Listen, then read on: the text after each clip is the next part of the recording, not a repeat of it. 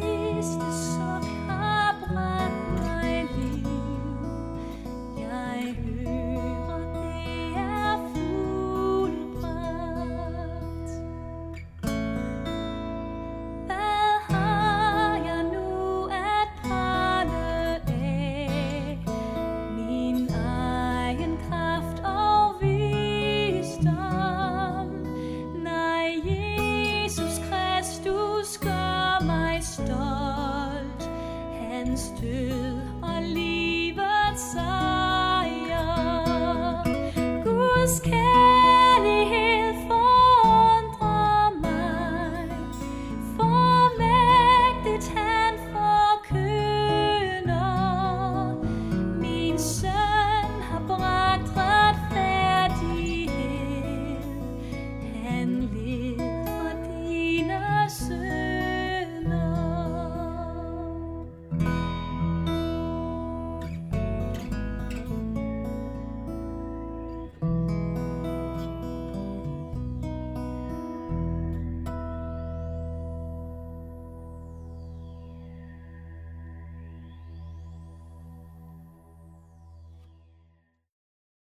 God aften. Jeg gennemgår i denne uge nogle udvalgte vers fra Romerbrevet kapitel 8. Og jeg vil i dag læse Romerbrevet kapitel 8, vers 31 og 32, hvor det står sådan. Hvad er der mere at sige? Er Gud for os, hvem kan da være imod os?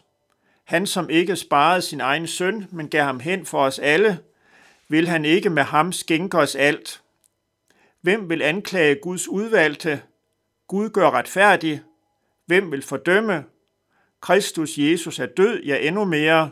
Han er opstået og sidder ved Guds højre hånd og går i forbøn for os. Ofte hører vi om en retssag eller retsafgørelse, som bliver anket til en højere domstol.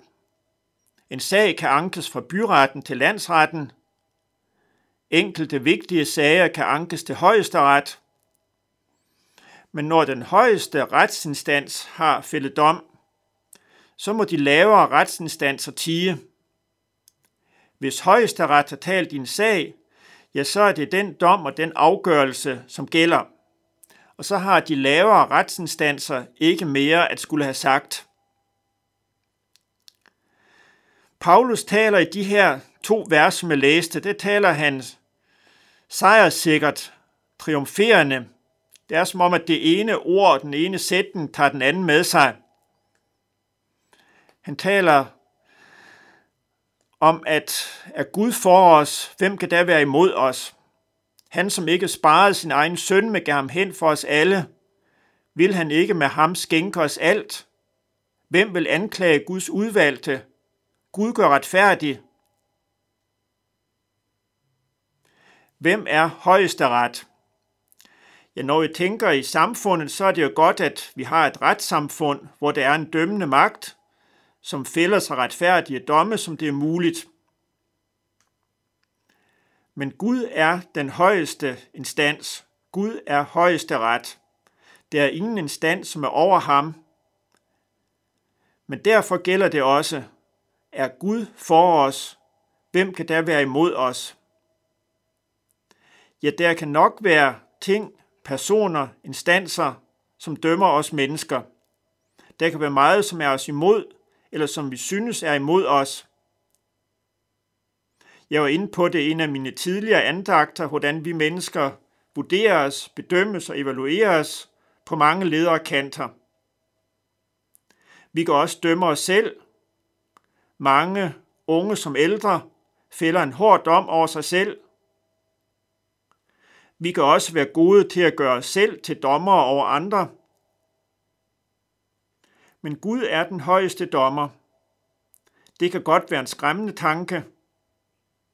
Men Gud er også den, som lod sin søn tage dommen på sig.